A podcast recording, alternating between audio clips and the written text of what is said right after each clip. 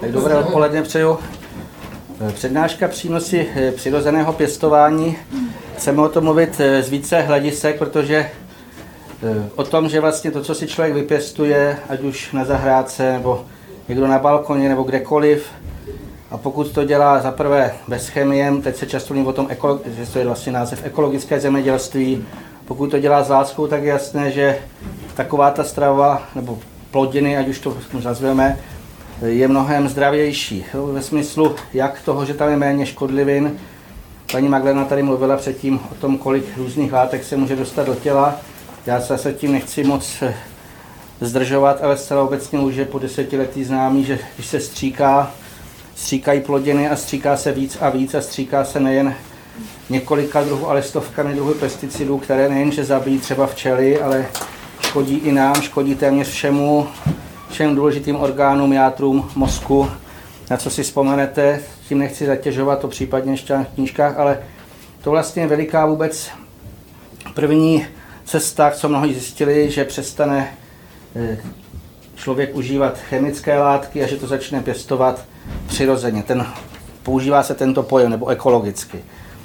To samozřejmě si myslím, že všichni víte, ale ještě bych tam zdůraznil jednu věc, že pokud si někdo něco vypěstuje eh, sám a ještě k tomu ta půda je zdravá, dodá tomu, co potřebuje, tak eh, je to mnohem z hlediska přínosů vitamínů, minerálů, je to úplně o něčem jiném, třeba o polovinu víc vitamínů, pokud se střídají plodiny, je v tom mnohem víc minerálů, to znamená, když bych dal takový jako porovnání, pro mě je naprosto zbytečné a skutečně si už nekoupím v obchodě ani normální mrkev, ani normální ovoce, protože pro mě je to chemicky přiotrávená nějaká věc, která nepřinese téměř nic. Za to se člověk vlastně snaží a učíme se všichni, jak si co vypěstovat, jak co získat, protože tam je to úplně o něčem jiném. Ale to je ta stránka hrubohmotná, co se týká vlastně toho chemického složení, nebo jak, jak to popíšeme. Ale to ještě pořád není to pravé přirozené pěstování, protože co je to vlastně přirozené? Je to v souladu s přírodou. A co je v souladu s přírodou? Podstatě to můžeme říct, je to úplně otočené o 180 stupňů, než to, co dělají lidé dnes. Teď v této době ještě takový ten další bych řekl, proč je třeba mluvit o tom, jaké jsou přínosy při zeleného pěstování, ale jak je to důležité, bych zmínil ještě jednu, takovou, bych řekl téměř novou záležitost posledních týdnů, měsíců. Kdo trošičku sleduje přírodní dění a vidí, co se děje, je naprosto jisté, jsem o tom stoprocentně přesvědčen, že bude nedostatek potravin. O tom už se hlásí, protože Španělsko, Itálie, různé katastrofy. Ono se teďka o tom v poslední měsíce, aby se neodváděla pozornost od nějakého panikaviru, nemluví, ale stále, stále, pokud někdo má přístup na ty jiné weby, tak najednou vidí, kolik toho probíhá v celém světě. A pak se dovíte, že téměř celá část Španělska, kde měli nesmírně veliké plantáže, postihla nějaká veliká záplava, vlny, e, mrazy, sníh, kroupy. A je jasné, že to přinese ještě s těmi jinými zmatky důsledek toho, že jako lidé nebudeme už toho mít tolik, jak jsme byli zvyklí. To znamená, ten, kdo je schopen, ale nebo aspoň v jeho okolí, si něco vypěstovat, tak bude mít doslova i co jíst. To znamená, ten přínos je pro mě teďka už z hlediska i toho dalšího přežití neprosto nutný, ale tam jde o to naučit se, jak to dělat, aby nám to nějakým způsobem skutečně se dařilo, protože ten eh, příliš dlouho lidé byli zvyklí na to, že přinesou si nějaké hnojivo, pohnojí, něco zasadí, nějaké sazeničky, když tam něco roste, co se nemá, něčím to postříkají. Samozřejmě to je úplně špatně. Proč je to špatně, co to vlastně dělá? My naprosto tím porušíme ty přirozené mechanismy, které jsou tu po mnoha desítek až sto tisíc let a tím, že se to vlastně naruší, tak v tom koloběhu najednou je nějaké veliké váznutí. Když bych připomněl dění poslední dní záplavy. Proč jsou záplavy? Proč zaprší? Samozřejmě zaprší hodně. Ale proč to ta půda nevezme? Když jsme se měli, tak jsme viděli, jak na polích stojí voda. Proč to ta půda nevcustne dovnitř? Protože naprosto je zničená. Vědí o tom mnoho zemědělců, dokonce to říkají, že už je jim jasné, že ta půda vydrží několik let a potom už nebude použitelná. Tím, že se zabije, co se může, všemi těmi chemickými postřiky, tak ta půda je mrtvá, jezdí se tam stále těžšími stroji. Kdysi dávno to byl malý Zetor, který vám teďka připadá hračka. Teď si pořizují větší a větší stroje, které jsou těžší a těžší a samozřejmě ta půda se udusává, udusává. Je to taková tvrdá krusta, kdo začal pěstovat na takovém místě, tak mě vyprávěl, jak udalo práci. Vůbec tu půdu nějakým způsobem jí odlehčit, skypřit, aby se zase s tím něco dalo dělat. E, to vlastně je nesmírně důležité si uvědomit, že ten směr, který pro následující, řekl bych, ten úsek, který je před náma, jediný možný je ve spolupráci s přírodou. Pokud mluvíme o přírodě, tak je potřeba si uvědomit, že v přírodě je nesmírně mnoho, e, říká se, malých různých bytostí bytostných. Budou o tom ještě další přednášky, ale nevím, jestli jsou tady všichni, kdo už o tom e, slyšeli, tak já bych to ještě popsal i z hlediska toho, co každý si myslím slyšel a ví. E, víme o tom, že se říká, že nebo vlastně používáme téměř každou chvilku ve zpracování určité mikroorganismy. Co je to organismus? Organismus je bytost. Mikroorganismy typu, když chcete upéct chleba, buď vezmete droždí, což jsou nějaké kvasinky, nebo si uděláte kvas, zase se tam nějaké mikroorganismy pomnoží. Když chcete zpracovat mléko, chcete udělat kefír, tak se do toho přidá zase nějaká e, bakterie, jo, třeba do toho kefíru, jedna z nich je Lactobacillus kefir. Lactobacillus kefir udělá to, že se ten, to mléko nějakým způsobem skysá a vznikne vám z toho kefír, ještě samozřejmě s jinými organismy. Člověk je taky, se říká, lidský organismus. Jaký je rozdíl mezi naším organismem a mezi těmi malými? Nebo vůbec jakými jinými organismy, mezi které máme v od menších zvířat mikroorganismy typu bakterií a tak dále. Rozdíl je v tom, že člověk jako jediný tvor na této zemi, jako duchovní bytost, má možnost se rozhodnout, jak to bude dělat. On vidí, že mu zarůstá zahrádka. Může se říct, nejjednodušší je postříkat to. Pořídí si nějaký postřik, vezme si rukavice, postříká, mají toho hodně a samozřejmě plevel zemře. E, nebo se může rozhodnout, že hezky půjde na čtyři a vytrhá to, protože si řekne, nebudu si přece trávit půdu, běhají tady zvířata, jsou tady děti, potom to budu jíst. To. On má svobodnou vůli se rozhodnout. Buď to dělá dobře, nebo špatně organismus typu mikroorganismů nemá tu možnost, aby si vybral, co bude dělat. Lactobacillus kefir nebude dělat jogurt. On vždycky dělá kefir. Všechny organismy malinkaté, které jsou právě tak důležité, proto o tom je v půdě. Půda, aby byla zdravá, musí být osídlená nesmírně mnoha organismy, ale můžeme říct si i bytostmi, protože ten rozdíl mezi námi, jako jsme říká ličtí duchové, máme tu svobodnou vůli si rozhodnout, co uděláme, ale ten organismus typu bytosti nemá možnost si rozhodnout. On bude dělat všechno správně. On ví, že v tom celku, v tom spojení s těmi jinými, že je silný a že dokáže úplně všechno. Důkaz je, že opakují 100 tisíc let stále příroda, lesy, louky, všechno to fungovalo, neustále.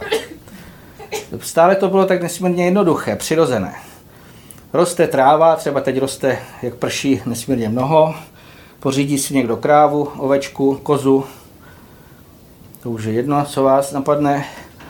A ona sežere tu trávu, ještě to pohnojí, naprosto geniální. A v tu chvilečku máte uzavřený koloběh. Vy máte z té kravičky nebo z té kozy mléko dobré, můžete si toho něco udělat, pořád používáte jenom nějaké bytostné a trošku to jako předměníte z jedné formy třeba z mléka do formy kefíru, jogurtu, tvarohu, to už bych dal příklad. Stále je to v tom koloběhu a stále je to čisté. Co se týká té půdy, proč ještě o ní chci mluvit.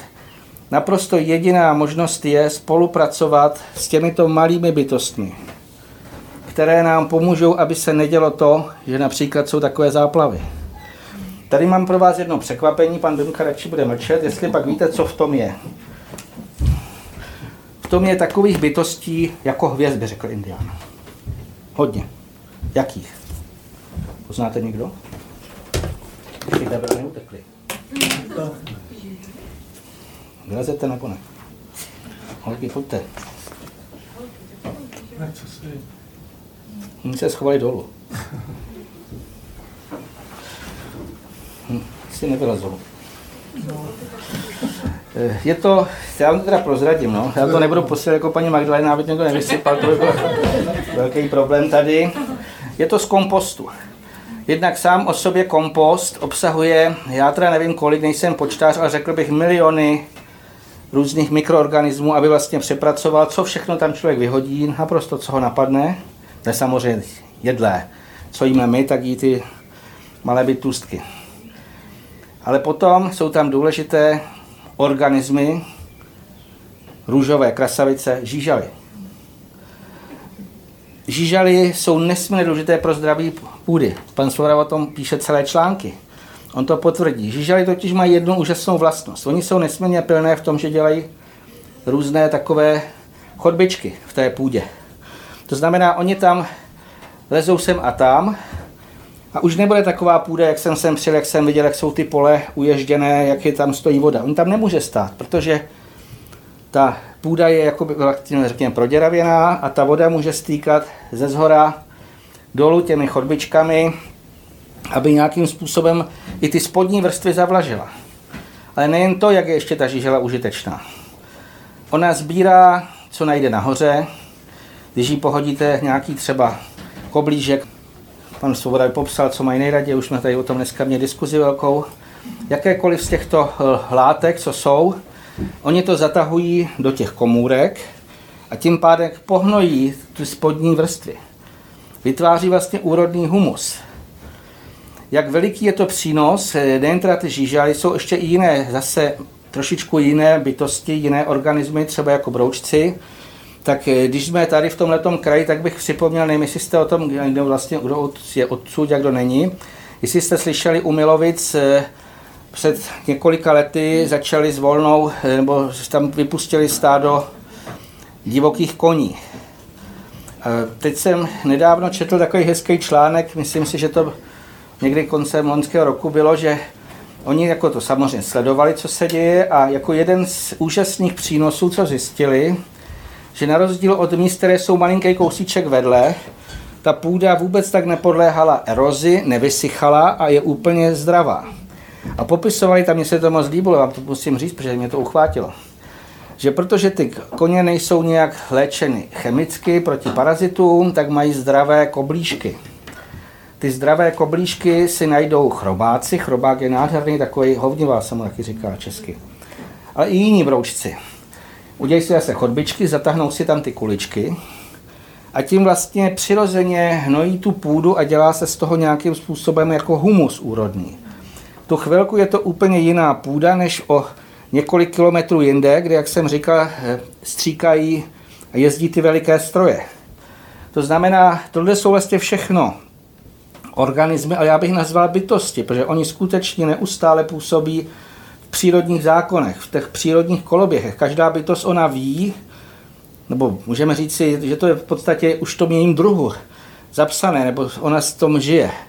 Že musí být ve spolupráci s jinými, nesmí samozřejmě nějak poškozovat ten ekosystém, nesmí poškozovat eh, to eh, celé. Tam znova bych se vrátil ten rozdíl mezi bytostí a mezi lidským organismem. Říká se, že jsme homo sapiens. Je to velmi zvláštní. Člověk moudrý by jednal úplně jinak. Spíš člověk, nebo homo non sapiens. Protože to, co my děláme, je naprosto šílené. Všichni vidí, kam to vede.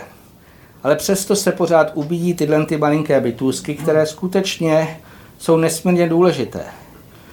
Já o tom mluvím z toho důvodu, protože přejdeme ještě k těm jemnějším. Samozřejmě nejsou jenom bytosti, které jsou viditelné pro nás mimo jiné třeba mikroorganismy typu bakterií nejsou viditelné okem, na to musí být už poměrně nějaký lepší mikroskop, ale tam v té vodě přece můžete třeba dělat kvasinku, je to taková malinká měchuřinka, taková bytůzka, ona se jí pohybuje, dýchá, žije.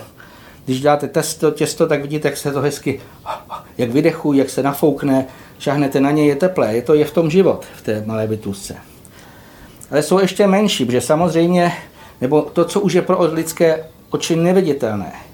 A mluvím o tom studu, že přirozené pěstování bude moci být jedně tehdy, až pochopíme, že všechno v přírodě je živé a že ještě kromě těchto těch mikroorganismů, které Třeba viry jsou tak maličkaté, že jenom elektronové mikroskopie vidí. Kdysi dávno se nevědělo, proč způsobuje virovou nákazu něco.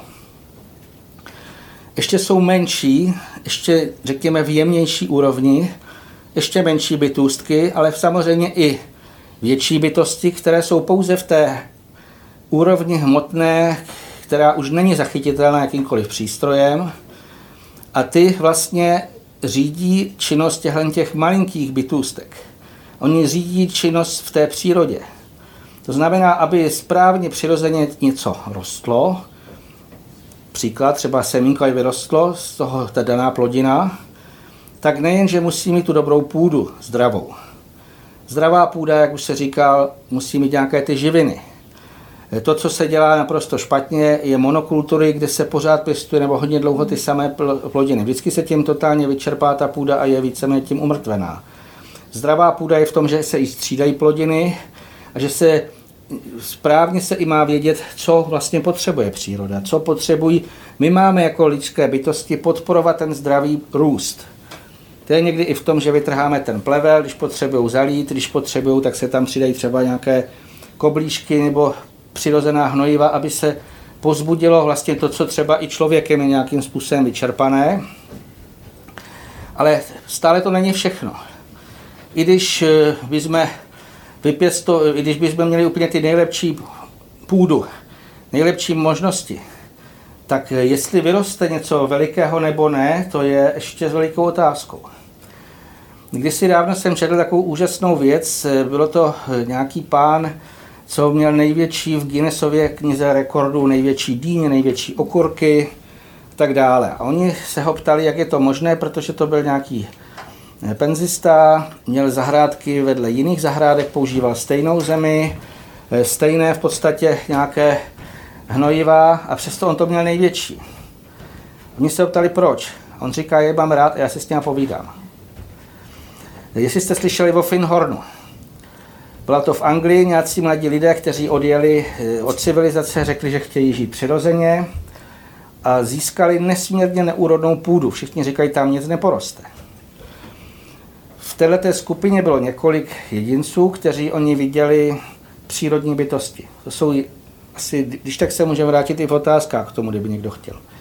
Přírodní bytosti, které jsou, řekněme, v té hladině ještě o něco nižší, než jsou mikroorganismy, nebo jemnější pro nás teda neviditelné, a oni vlastně jim radili přírodní bytosti, jak co mají pěstovat. A pak zase všichni v tom Finhornu nebo v okolí spíš koukali, jak to, že vypěstuje na té neúrodné půdě tak nádherné plodiny, jak to, že jim tak roste. To znamená pro nás, jako je cesta, pokud to má být skutečně příroda, protože příroda je spojená s těmito přírodními bytostmi, tak kromě toho, že neškodíme té přírodě, protože to, co všechno je chemické, co je nepřirozené, nesmírně nejen nám škodí lidem, ale škodí i těm přírodním bytostem. Jestli jste někdo e, četli knížky od paní Margot Ruiz, má nádherné knihy bytosti přírody a ještě vzkazy bytostních, to už si přesně nepamatuju ty názvy. I video o tom natočila, je to Rakušanka a ona vnímá ty bytostné a na jedné přednášce povídala o tom, jak v tom ona bydlí nějakém domě a vedle mají pole a když si tam prý ten zemědělec stříkal. Ona dřív, než přijel ten, ta příšera, jak to stříká, tak viděla, jak prchají všechny ty bytosti z polí. Prchají pryč. Utíkají předtím. Jako já si jim osobně nedivím, protože to, co já cítím z těch postřiků i na té jemnější čichové hladině, tu je nasládle jedovaté, které jenom tím, že to člověk vdechne, už to škodí. A to je prostě nás prokázané. Je to třeba prokázané, ještě abych se k tomu jenom vrátil, aby se ukázal, jak je to škodlivé, že je třeba prokázané, že ženy, které žijí dokonce do dvou kilometrů, si představte, od polí, které jsou stříkané pesticidy, že mají, teď jsem zapomněl, jestli o 30%, mám to v knížce tam, jak ochraňovat čistotu duši v té kapitole, jak předcházet autismu. Takže nevím přesně to množství, ale o obrovský procentuální nárůst, vyšší počet mentálních poruch dětí, co mají, a autismu.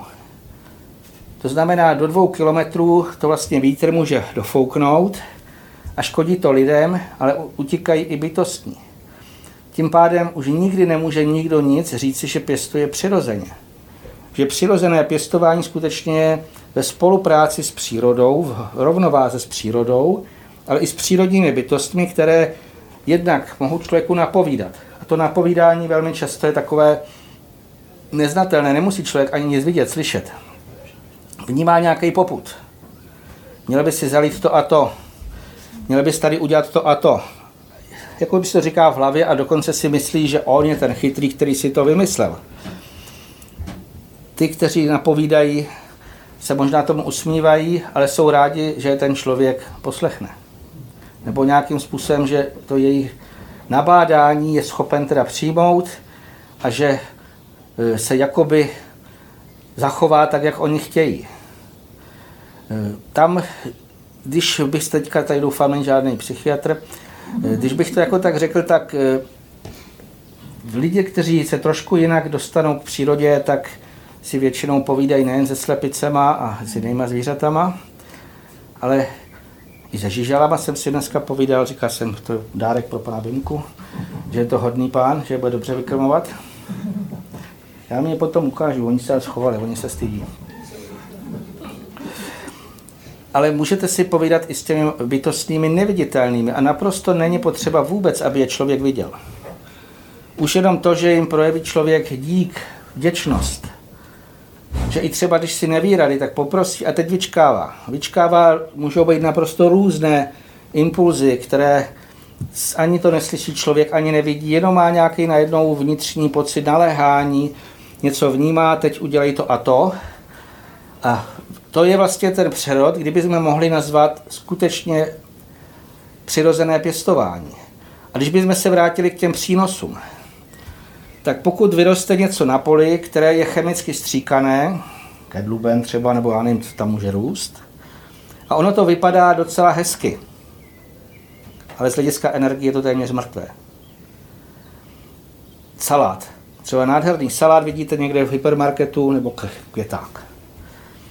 A ještě tam je úžasné to věc, že mě sami v jedné zelenině to prozradili, já jsem sem přišel, něco jsem zháněl, říkal jsem, máte něco českého? On říkal, to bychom tomu dali.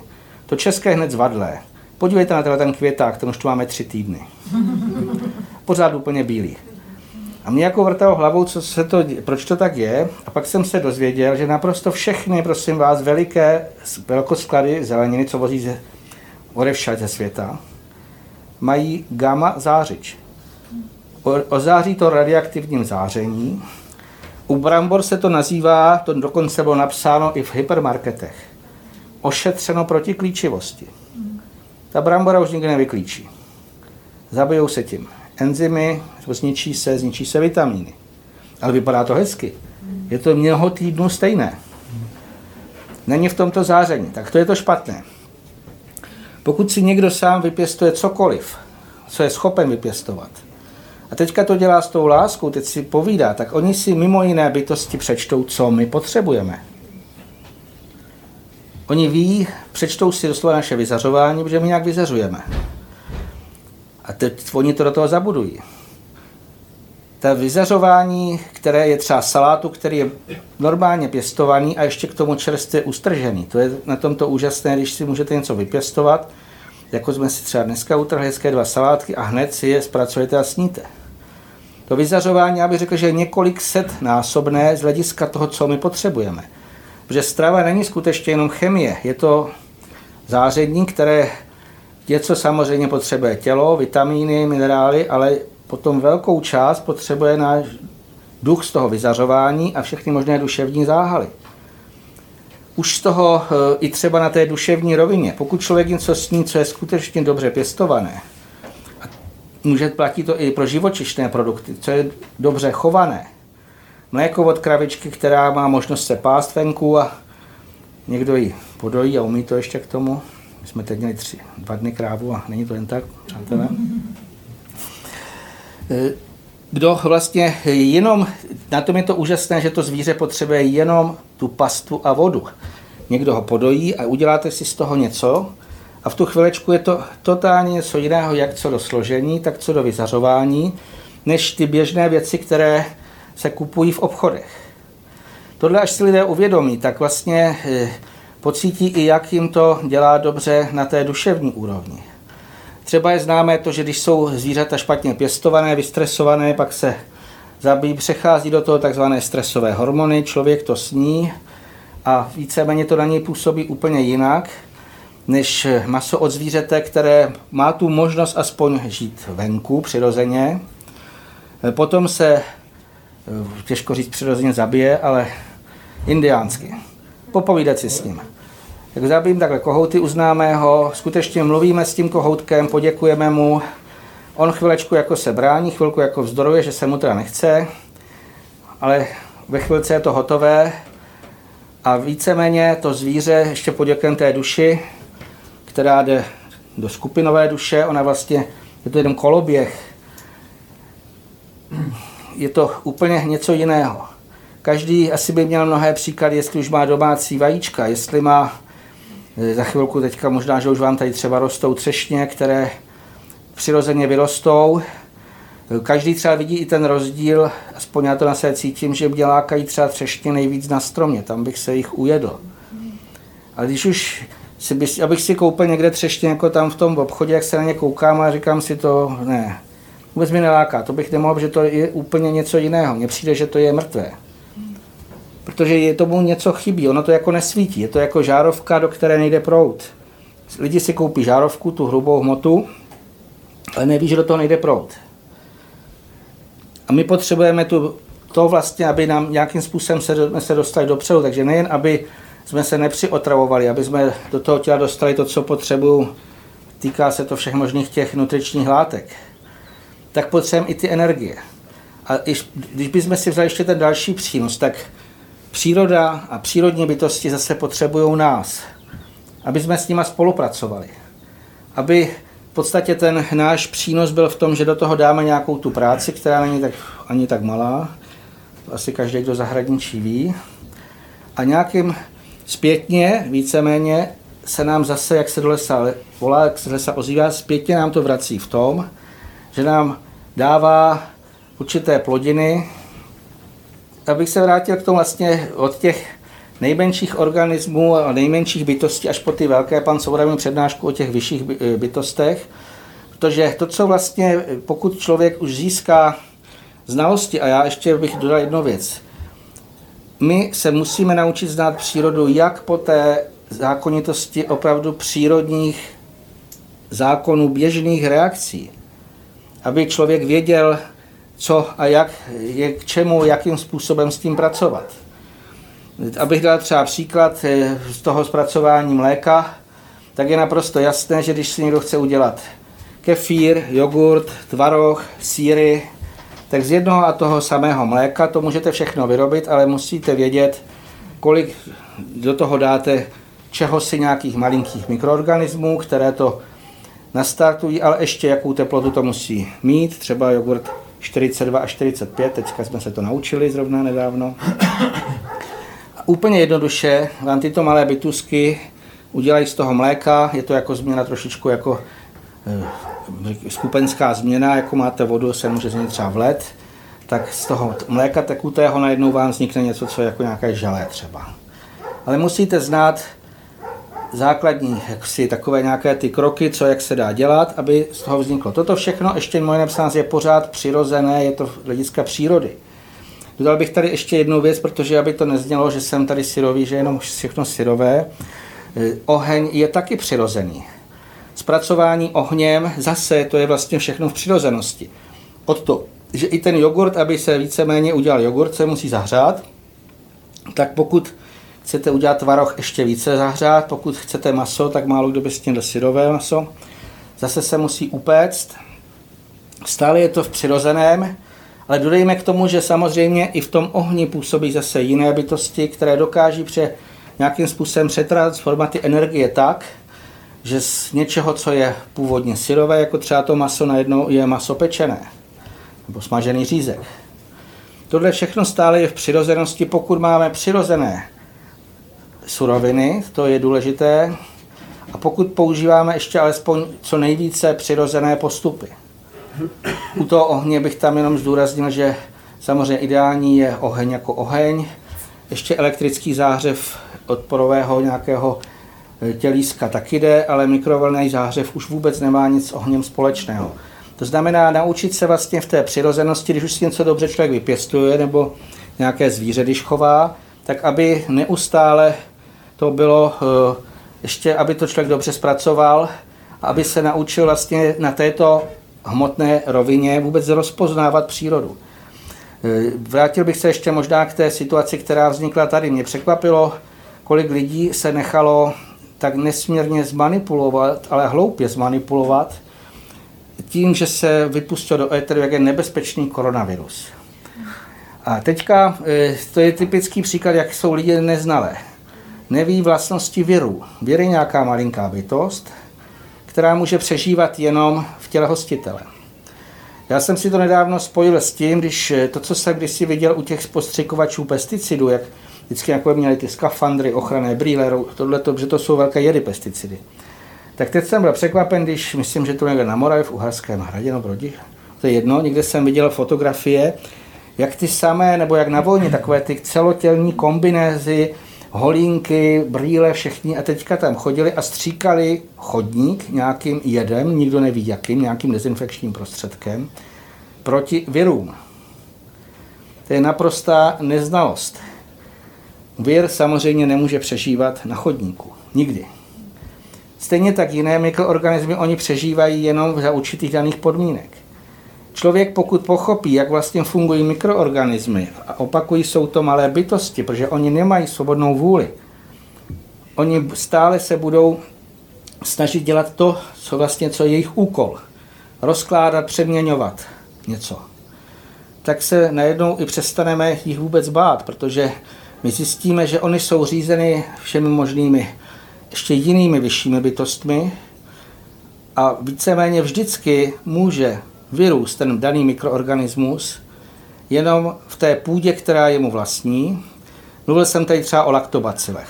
Už ten název říká lakto, že jedině v mléku může žít, jinde ne. Proto se říká, že to jsou vlastně takzvané probiotika a jak jsou výhodné pro náš střední trakt. Jsou to malé bytůzky, které dokáží přepracovat něco z mléka, něco vznikne a nám jenom prospívají. Nám nemůžou uškodit. A i mnoho jiných těch mikroorganismů, kterých se neustále s tím straší, jsou to zase bytosti, které oni zapůsobí jenom tam, kde je jim k tomu nějakým způsobem otevřena brána a kde najdou vhodnou půdu. Tu půdu my vytváříme svým, paní Magdalena s tím začala, myšlením, ale i denodenním jednáním. A v tu chvilečku, jakmile dlouhodobě uchylujeme a v podstatě jsme třeba v nějakých nesprávných emocích, příklad strach, i to je nesprávné. V tu chvíli je velmi pravděpodobné, že se v nás něco rozvine. Takže my bychom měli poznat tyto malé bytosti jak z hlediska našeho zdraví lidského těla, ale i z hlediska zpracování v přírodě. Protože nejen na to, aby jsme si udělali chleba, kysané zelí, jogurt, nějaké další kysané věci z hlediska půdy. Tohle e, jsou o tom celé knížky, můžete se podívat v kolik ve zdravé půdě nebo v kompostu, já bych řekl, že to jsou miliardy mikroorganismů, co jsem sem přinesl. Teď si představte. Vemte si, když by někdo byl vystrašený, jak jsou ty mikroorganismy nebezpečné, on to otevřené. Vyletí, nevyletí. On je spokojený v kompostu. Tyhle ty mikroorganismy mají tu práci, že mají přepracovávat to, co nám zbyde z jídla, oni to nějak přetransformují, předělají a na konci z toho vznikne krásný úrodný vlastně černozem humus. E, to je vlastně ten první krok. Druhý krok je skutečně pochopit, že nad nimi jsou ještě vyšší bytosti, právě ty, které už jsou v té oblasti neviditelné pro jakékoliv přístroje. A ty nejenže řídí jejich činnost, těch malých, ale vlastně pomáhají v tom globálu, v tom velikém. Pomáhají po mnoha, e, řekněme, v mnoha úrovních jak hlediska energetického. Každý strom vlastně má nějakou větší bytost, která energeticky vyživuje a samozřejmě stará se o to, aby nejen prospíval, aby on správně vyrostl všechny ty větve. Když se podíváte na různé stromy, tak přestože pokud jsou přirozeně rostlé, může to být úplně stejný druh, tak skoro vždycky vidíte, že mají úplně jiný tvar. Oni rostou podle nějakého řízení, které je jednoznačné a musí podle jak teda samozřejmě kořenový systém, tak ta koruna to stále vlastně něco vyrovnává z hlediska stability, ale i z hlediska energii. Přepracovává to. My pokud chceme vlastně tomuto prospívat, tak nezasahovat. Tady byla hezká písnička, nebo spíš smutná písnička předtím zazněla. Já jsem si vzpomněl eh, na tu eh, vlastně nějakou moji zkušenost, eh, že je ještě, představte si na této zemi, trošku bych řekl chaotické, je ještě jedna země, jeden jako stát, kde uznávají přírodní bytosti a v parlamentu berou jejich názor, jako řekněme, v potaz, nebo řídí se podle toho. Víte, jaká to je? Island. Island. A tam jsem viděl fotky, mně se to moc líbilo, že přesně oni chtěli někam udělat silnici odsaď tam, ale zrovna tam jim překážela nějaká skala a nějaký strom. Oni tam v parlamentu přijímají jako je poradce, kteří vnímají elfy a zeptali se elfu a řekli, ne, tady se nemůže. A teď vidí na té fotce, tak je ta silnice, takhle se vytočí. Ne, aby se pokácel strom a skála zničila. Hezky se ale vytočí silnice. Když se má stavět někde něco nového, ptají se bytostí, bytostných, jestli to tam mohou postavit. Když prý nějaký podnikatel nevěřil těmhle těm, co teda vidí nějaké elfy, a rozhodl se, že tam bude stavět, tak prý to bylo komické, že nejdřív se jim bagr převrátil jedna nepříjemnost za druhou, že po nějaké době musel přestat to tam stavit a opravdu uznat, že oni nechtějí elfové, protože tam mají nějaké důležité místo, aby tam někdo něco postavil. To znamená, tohle to je aspoň pro nás nějaký vzor, že co se týká třeba záplav. Teď všichni ho řekou, jak to, že máme zaplavený dům. Je to smutné, je to hrozné, že má někdo bahno. Ale jak to, že? Když se nejdřív zničí půda, mluvil jsem tady o tom, že nejen betonové a silnice, ale skutečně ty pole erodované, z kterých to normálně steče. Ty to nespí, z těchto steče. Potoky, které se, nebo říčky se s tou dělají strouhy, skvěle se to vymyslí, chytře. Člověk non sapiens umí všechno možné vymyslet. Uděláte z toho takovou stoku, akorát, že se neví, že zaprší a že samozřejmě ta stoka se naplní a se to sem. Nejen to, ale lidi si staví přímo domy někdy vedle té říčky, vedle toho potoka a někdy dokonce přímo tam, kde tekla řeka. Abych nešel daleko, tak v Praze Karlín, kdy si celý se vědělo, že tam byly velké, jak byly ty poslední záplavy, to bylo pod vodou, ale tam tekla Vltava. Někdo to vychytral, odvedl jinam a ona se pouze vrátí tam, kde teda předtím tekla ta řeka. Ale mluvím o tom i z toho důvodu, že pokud by to bylo správné, tak by se lidé měli ptát přírodních bytostí, jestli si tam mohou postavit svoje obydlí. A podle mého názoru vůbec by nemuseli být lidé jasnovidní, jenom maliličko by byli vnímaví. Tak by vnímali, že si to nemají stavět u říček a u potoku několik metrů od toho. Přímo jim do cesty.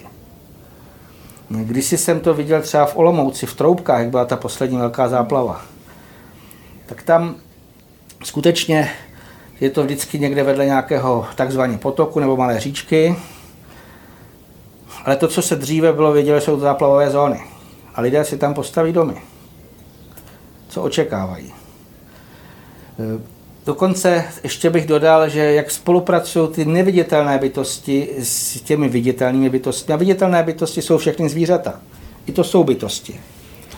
Tak e, četl jsem kdysi, bych se vrátil k těm troubkám, než přišla ta velká záplava, tak kozy mečely, psy se chtěli utrhnout, ale nejen to. Slimáci, kteří normálně vždycky takhle jako klikatí, všichni rovně, byly to podle té čary, vylezli do nějaké výšky. Kousek pod to byla záplava. Co myslíte, že dělali lidi, když už tohle to dělali zvířata? Čekali u televize. Co řeknou v televizi? Teď si vemte to, co vlastně teďka začalo, tak to je prosím vás naprostý začátek. Tento měsíc jsem přesvědčen ještě, je to z hlediska postavení hvězd, se zesílí to dění přírodní. A co dělají lidé? Koukají na televizi a víte, zabývají se něčím, co naprosto nemá vůbec opodstatnění a hlavně to nemá žádný přínos. My, pokud se nenaučíme alespoň jakýmkoliv způsobem, opakuju znova, pozorovat zvířata, protože každý, kdo má jakékoliv zvíře, tak pokud vidí velký neklid toho zvířete, něco vlastně se děje, tak by to pro ně mělo být taková kontrolka, dej si pozor, něco se může přihnat. Obzvlášť, když třeba prší a řeka se roz, nebo potok se rozvodňuje. Pokud někdo už má tu schopnost, a myslím, že tady ještě o tom vlastně bude dnešní den až i ten večerní pořád, tak samozřejmě může přímo naslouchat nejen těm menším bytostem, ale i těm vyšším, které eh, mají mnohem přesnější informace. Je to něco, jako když byste se eh, v nějaké továrně chtěli zeptat třeba vrátného na něco důležitého, tak on to může vědět a nemusí vědět, a když se zeptáte generálního ředitele, tak ten by o tom měl třeba vědět, co se tam děje. Mluvím tady i z hlediska toho hmotného z jednoho důvodu, protože eh, mnoho lidí neustále nechce přijmout to, že v přírodě působí přírodní bytosti a je to, mě to přijde docela legrační, protože když někdo přijede autem, skoro každý jezdí autem, tak kdyby mu někdo řekl, to auto vzniklo nějakým výbuchem někde, samo o sobě, jen tak, tak blázen.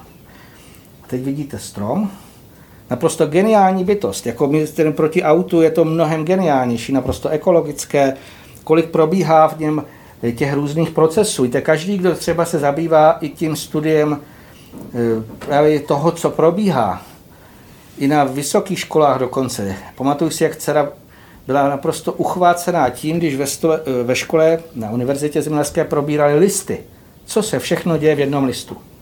Kolik různých procesů, nejen, že on dýchá, vytváří kyslík, něco zpracovává, něco přeměňuje, to jsou tisíce a tisíce procesů naprosto geniální, které když jsme u toho člověk nikdy by nedokázal. Ten list je pro mě složitější než celé to auto. V té formě. On vlastně se vytvoří. Co dokáže.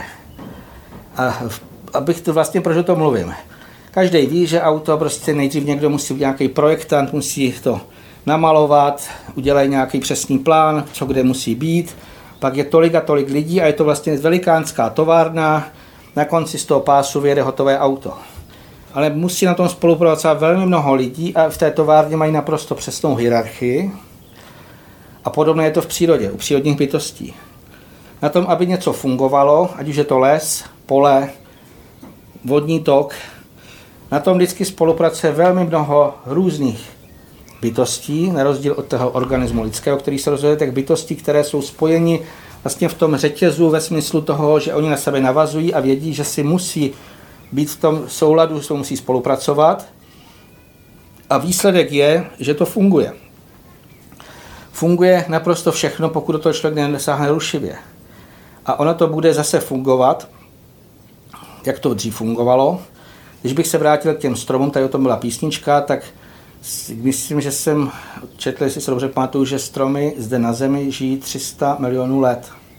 Tady, na této naší Zemi. A pořád to bylo přirozeně. Nepotřebovali lesy nikoho, kdo by jim tam do toho vstupoval, kdo by jim nějak říkal, jak máte růst, co máte dělat, tohle se má vykácet. Když jsem navštívil pralesy různé, zjistíte, že kromě toho, že se tam špatně chodí, že jsou tam ty popadané stromy, tak ten prales funguje mnohem lépe, než ty monokultury, které někdo nalajnuje, vysází a udělá to takové ty vojenské zákryty. Tu chvilku se něco naruší a potom to jako kdyby se to svede na kůrovce, ale kůrovec jenom plní svoji úlohu, protože něco je tam v nepořádku. Ale když bychom si vzali jakýkoliv z těch systémů, tak i tam je naprosto přísná hierarchie, kdy jeden vlastně z těch, ať už vidíme to hmotné, ať už vidíme všechny zvířata, všechen hmyz, včelky jsou důležité, aby opilovaly květy nebo další jiné, jiný hmyz. Potom všechno vlastně je to v nějaké takové harmonii, je tam určitá hierarchie. A tam o tom mluvím z toho důvodu, že právě, že ten náš cíl je alespoň nějakým způsobem vnímat nebo dokázat pochopit, že jsou právě všude kolem nás tyto bytosti a oni čekají, až my, lidé, se k ním přiblížíme. S citem, s láskou. To nejde, že bychom řekli tak a teďka mi hezky řeknete, jak to mám dělat. Ale musíte mi poradit správně, já chci stříkat. V tu chvilku jsme ztracení. Protože my jsme opustili tu přirozenou cestu a my se teďka musíme do té přirozenosti se dostat. Přirozenost je v tom, že skutečně se budeme řídit zákony přírody. Lidé jsou schopni přijmout, že máme dodržovat nějaké pozemské zákony. Ale už eh, málo kdo pochopí, a vidíme to na tom současném dění, které se neustále zesiluje, ale málo kdo z lidí se natolik změní, aby si řekl, tak něco se děje, něco se teďka v této době odehrává a já už mám v tom svém vývoji natolik pokročit, abych pochopil, co a jak mám dělat, ať už ve vztahu ke svému pozemskému tělu, k přírodě nebo k dalším a dalším oblastem, aby jsme tam nespůsobovali ty disharmonie. Když bychom se vrátili k tomu pěstování, tak samozřejmě ten, kdo pěstuje přirozeně už dlouhou dobu, jako třeba paní Magdalena, která teďka zrovna přišla, tak velmi mnoho lidí vám řekne, ono na tom nic není. To je podobně, když někdo má tu krávu. Když už umí dojít a umí se o ní starat, tak oni řeknou, na tom nic není. Pokud se vrátíme do té přirozenosti, tak najednou zjistíme, že ono skutečně na většině věcí vůbec nic není. Jenom musíme se naučit poslouchat. Víte, když by člověk, třeba pekař, chtěl se řídit podle nějakých svých rozmarů, tak těžko upeče chleba. Když by, představte si, že někdo řekne, co já bych čekal půl hodiny, než mi to vykyne. Hezky vykyneš za 10 minut. Nevykyne. My musíme vždycky dodržovat nějaké postupy. Podobně je to, když chcete dělat třeba jogurt. Zase musíte poslouchat tomu, že ten mikroorganismus má takové a takové potřeby, teplotu, prosím. Ale i ten rozum. Já bych řekl na všech těch úrovních, že někdo se může vcitovat a někdo si to může přečíst. A někdo vám to může říct. Že konkrétně já se nemůžu třeba do toho laktobacillise burgarise a jiných vcítit, aby mi řekli, eh, kolik stupňů potřebují. Tam je jednodušší se někoho zeptat, ale pak to dodržovat. No, já jsem myslel obojí. Oboje, no. To citování je v ta láska, v tom citování. V ten cit je v tom, že vlastně my naprosto respektujeme ty živé bytosti, protože skutečně jsou to živé bytosti, že respektujeme jako někoho, za prvé, komu máme děkovat. My lidé bychom tady vůbec na téhle té zemi nemohli být, kdyby ty stovky milionů let předtím nepřipravovali bytosti nám všechno, co tady vlastně se potřebovali. A oni to vědí naprosto dokonale. Oni mají v tom pořádek a právě protože oni nemají tu svoji vlastní vůli, aby si řekl, no tak co já bych tady dělal lektobacillus kefir, kefir, ale radši zkusím a budu dělat, ale co. Ne. On bude po těch tisíce a tisíce let pořád dělat to, co má dělat. Pokud zase se do toho nezasahne nějak rušivě, že se dá samozřejmě pozměňovat mikroorganismy. Ale pokud je to v té přirozenosti, tak oni neustále jedou. Jako já jsem přesvědčen, že to vcitování je samozřejmě v tom, že už člověk je i má rád. Že třeba to zvíře, když někdy vidíte jako ty chovatele, tak oni to hlavičku, hladí tu kravičku a ještě každá má samozřejmě jméno a povídají si s ní. A i když člověk jako pěstuje, tak to je ten základní rozdíl, že místo takového toho drancování a znásilňování, kdy prostě přijde ten obrovský, ten eh, stroj, je velký traktor, v tom sedí něco, co ani už nemůže nazvat člověk, je to taky takový určitý stroj a teď mu řeknou stříkej. Stříká. Vůbec se nezamyslí nad tím, že to je jedovaté. Stříká, protože se to říká. To je bez lásky že ten člověk vůbec si neuvědomí, nemá ani vlastně to nadabádání jako svědomí. Neřekne si, no a když teda je to tak jedovaté, když to píšou, když já to musím tady v různých ochranných prostředcích do toho nalévat, tak to zřejmě bude něco špatného. Pokud je to s láskou, tak kdysi dávno hospodář, ne, to ještě není tak daleko, jako to třeba bylo dědeček a e, statek, tak oni měli rádi svoje políčko. Oni chodili a hladili ho. To byla největší radost, že hospodář šel teďka, jak mu to zraje, a on věděl, že tam skutečně nedá nic špatného, protože zase měl vždycky živočišnou výrobu, rostlinnou výrobu, pohnojili to tím hnojem, ale potom on ho hladil a teď se těšil, až mu to vyroste. Tam byl ten vztah vzájemné interakce lásky plné. A to je potřeba se zase naučit. A pochopit ještě i v tom, vlastně proto se dělávali, což taky si myslím, že nastane a dneska i bude to poděkování bytostných, ale že se děkovalo se přírodě za to, že nám dává to, co vlastně potřebujeme, obživu, jídlo. Pánové, jaký mám vlastně čas? Já se zastavím. Ještě mám čas, hodinu? Ne, počkejte, abych, abych nezasáhl totiž do pana Svoboda, on, on dělá, že nic, protože, ale aby mohl pan Svoboda. Pomaličku, tak jako. Chcete se na něco někdo zeptat? Radši zastavím včas. No, pomaličku. A já nevím, do kolika tady mám ale být. Teď je všechno jinak. No, do, do čtvrt na sedm. Do půl? Do šesti, já vím, ten, co bylo na tom papíře, prostě neplatí. Tento sád jsme nedodrželi, pánové. ne, tak počkejte, co, chce se něco zeptat? Jak pěstovat? To je otázka. To každý musí vyzkoušet. Já se můžu zeptat, když třeba uh, ta zahrada ještě jako není založená, je to jenom, já nevím, nějaká část, je tam jsou stromy nebo je to pole, tak vlastně jak, jak úplně začít? Bylo tam pole jako stříkané chemicky To ne. Teď, teď to je zahrada a jsou tam stromy. a nebylo tam, myslíte někdo, že by tam to byl stříkač. To je tam, tam akorát sekají trávu. Tak to bude dobré. Tak tam závisí, rýpnout si do té půdy. Jaká je, jo? To každé místo je jiné, jako třeba, jestli je to někde tady poblíž, tak tady bývá i černozem.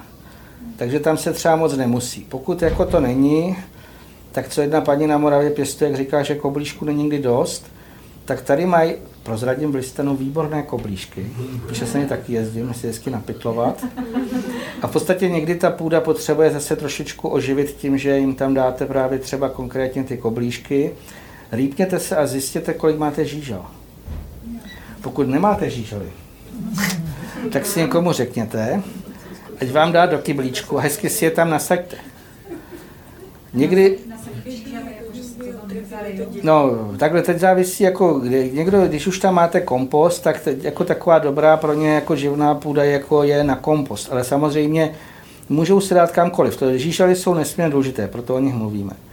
Zjistit si, jak je ta půda skutečně jako tuhá, protože samozřejmě jako potom nastane ta práce mužská hezky hřípat, že se to musí e, vůbec jako obnovit. No. Pak si v dlouze taky zahradník zvažuje, co tam vlastně bude chtít pěstovat, kde si chci udělat ty záhonky, jak si je udělá, že jo, to jsou takové ty úvahy. Zase o tom jsou celé knížky, pořídit si samozřejmě semínka a potom už to roste. Jako zjistit si skutečně, jaký máte jako ty vstupní podmínky, protože samozřejmě zase i když jsou tam stromy, tak zjistit, kde je stín, kde není stín, kde si můžete kyselost, to už by bylo moc chemické. Někdo říká, že i ochutnává tu půdu, a to nedoporučuju. Můžu se ještě zeptat, a já jsem teda nebyla úplně na začátku, ale dá se domluvit třeba i a, to právě známý, že třeba měl hrušeň, na to měl krásné hrušky a řekl v sobotu na ně jdu. A v sobotu už byli oč- očesaní. Kdo? Pačkama. Jako, takhle dá se i pracovat s tím? Já určitě, jako tohle to jsou i lidi, ženy hlavně, které právě tam musí člověk být ten naslouchající a ten vykonávající a ne ten rozumový stroj, který si řekne teď a teď to hezky mi dozrajete do soboty a já v sobotu si je otrhám. E, To přesně můžete takhle přijít o všechno. E, Pokud člověk jenom pozoruje, tak vidí, že už je to zralé, tak e, neotálet. Pokud je tam hodně špačků, tak tak protože oni jako jinak berou, tady nám někdo něco dobrého vypěstoval, domluví se špačči z celého okolí, vždycky tam přiletí a slyšel jsem taky, že prostě mají strom sklizený. Tam musí člověk opravdu včas sklidit. Žádný, jako aby on si to naplánoval, ale musí teda jako se podřídit. Zase už je to, v tom je ta pokora, naučit se ty přírodní cykly. Teď už je to zralé a je to eh, k snědku. To znamená, teď se musí něco udělat. Dřív lidi byli pokornější v tom, že se vědělo, i když je seno, senoseč, takže když seš to na seno, teď je správná doba posekat, usušit a teďka to vypadá na bouřku, i hned všichni museli jít a zhrabat a řídit se podle přírody. Příroda se nebude řídit podle nás. Naslouchat. Jedna paní zrovna to povídala ještě, když nevěděla u některé plodiny, jak to když se sebrat, tak se tam eh, přilehl do takového houpacího, eh, jak měla tu houpací síť a ležela, naslouchala a jenom teď, teď je ono. Tak vstala a šla trhat. No? Jo, musíme naslouchat, protože skutečně zvolit ten, tam je to i z hlediska energií. Bude tady řeč o bylinkách, tak třeba, že jo, svatojánská bylinka, to znamená třezalka. Tak i tam se člověk musí naučit, kdy sbírat. A já si pamatuju, že když si ještě jsem viděl na Slovensku, že nejvíc zářila úplně nádherný zlatý, kolem toho byl ten ráno. Třezálka. Když člověk vyšel, ona vykvetla a teďka to ráno a zase to je doba, kdy se, jo, někdy si dokonce říkalo, že se sbírá něco o půlnoci, jako při úplňku ještě. A to znamená, tohle my se taky musíme naučit všechny ty cykly, jak i z těch planet viditelných, právě třeba měsíc, slunce, počasí, všechno se mění, nedá se to ani spolíhat na to, paní Magdalena má takové ty pranostiky a tak dále a oni najednou neplatí, že? protože se to mění a bude se měnit podle mě záření, už se v tuto chvilku mění, slunce víc září, všechno je to takové živější. To znamená někdy to, co se dřív říkalo, to se může sklidit tehdy, najednou zjistíte, že musíte hodně rychle se hýbnout a sklidit to, protože když to člověk odloží voden, tak už nemá co sklízet. No. Špačkové jsou taky bytosti.